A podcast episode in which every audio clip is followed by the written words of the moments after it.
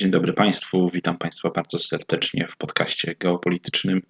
Ja nazywam się Daniel Szkarubski i dzisiaj chciałbym powiedzieć o pewnych wydarzeniach, które dzieją się bardzo blisko nas, mianowicie za naszą wschodnią granicą, ale nie będzie to kolejny podcast o tym, co dzieje się właściwie przy naszych granicach, jak białoruskie służby przysyłają nam tutaj imigrantów, dochodzi do kolejnych incydentów, ale o czymś, co działo się nieco dalej, nie na granicy, nie tam, gdzie stoją setki imigrantów, nie gdzie stoi szpaler służb białoruskich, które ich tutaj, że tak ujmę to kolokwialnie, wpychają, tylko dalej, na zapleczu, w cichych, przestronnych, ogrzewanych gabinetach w Mińsku.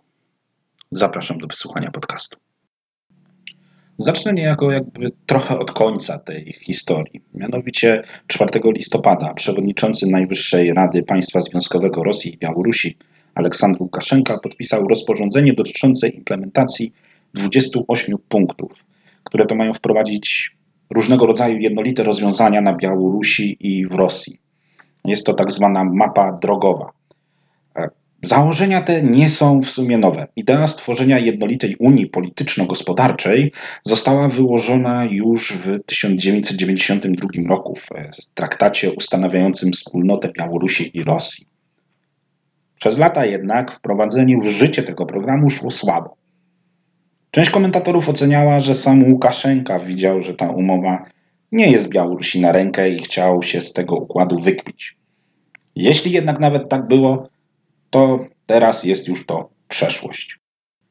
By zrozumieć, dlaczego nastąpiła taka wolta myślowa, polityczna, jeśli chodzi o władzę w Mińsku, musimy cofnąć się na chwilę do roku 2020, do wyborów prezydenckich na Białorusi. Po wyborach prezydenckich Łukaszenka natrafił na opór części Białorusinów. Rozruchy te rzekomo miały podsycać kraje Zachodu, w tym Polska, ale odbywały się one również przy biernej zgodzie Rosji. Możliwe, że Kreml nawet podsycał te protesty, by następnie jako rycerz na białym koniu przyjechać i ocalić Łukaszenkę. To w sumie stara zasada używana przez służby, zwłaszcza rosyjskie. Najpierw stwórz problem, a potem go bohatersko zwalcz. Putin pomógł, ale nie ma nic za darmo. I moim zdaniem właśnie wczoraj Łukaszenka spłacił dług i kupił sobie indywidualnie spokój na resztę życia do emerytury. Zapewne niedługo zastąpi go ktoś młodszy, kogo przyśle Rosja, ktoś, kto nie ma tyle negatywnego bagażu PR-owego, żeby niejako zrobić taki reset w stosunkach y, z innymi krajami, a sam Łukaszenka dostanie jakąś symboliczną posadę, na której, tak jak mówiłem, będzie mógł spędzić czas do swojej emerytury. Jednakże mapa drogowa, te 28 punktów, o których wspominałem, to nie jest jedyny dokument, który został podpisany tego dnia.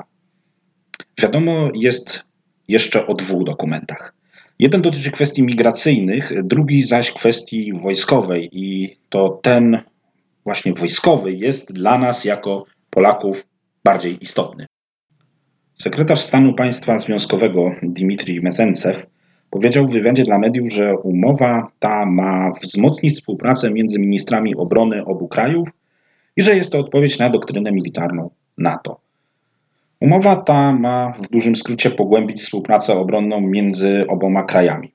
W teorii można powiedzieć, że nic to nie zmienia, bo ćwiczenia, współpraca wojskowa Rosji i Białorusi odbywała się już od bardzo dawna, choćby przykładem są tutaj ćwiczenia, słynne ćwiczenia Zapad, które odbywają się regularnie i regularnie wojska białoruskie biorą w nich udział. Więc co w tym nowego można zapytać?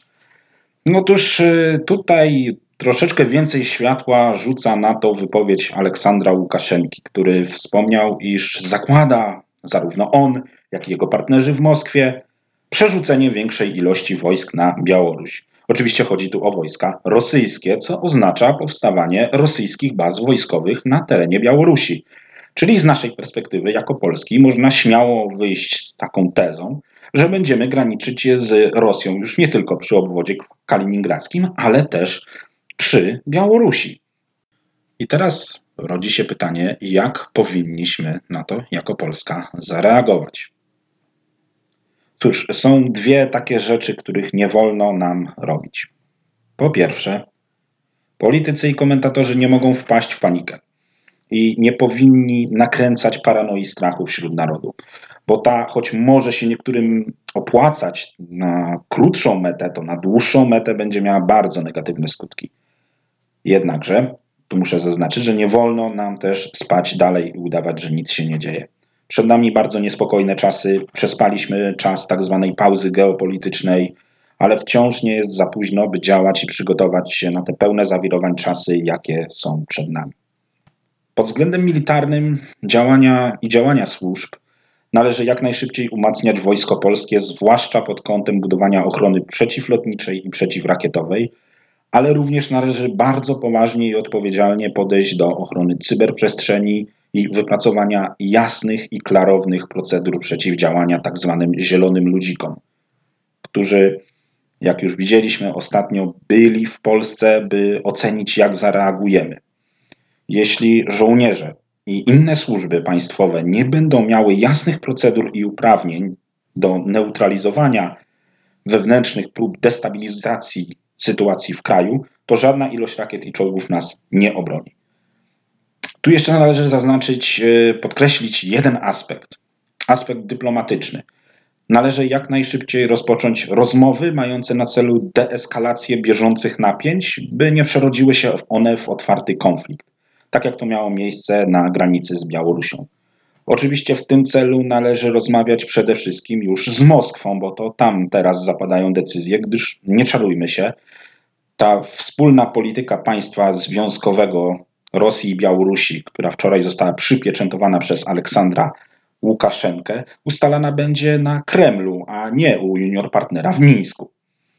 Jednocześnie należy też rozpocząć ofensywę dyplomatyczną do krajów regionu tak zwanego Międzymorza, by zbudować poważne sojusze krajów potencjalnie zagrożonych przez Rosję, takie jak na przykład mm, Czechy, Słowacja, ale w takim poszukiwaniu regionalnych partnerów nie możemy też zapomnieć o utrzymywaniu relacji z krajami bałtyckimi, e, jak Finlandia, Szwecja, Norwegia, bo naszym strategicznym celem jako Rzeczpospolitej Polskiej powinno być też zabezpieczenie basenu Morza Bałtyckiego z silniejszymi od nas graczami regionalnymi. Do czasu oczywiście rozbudowania potencjału naszej marynarki wojennej.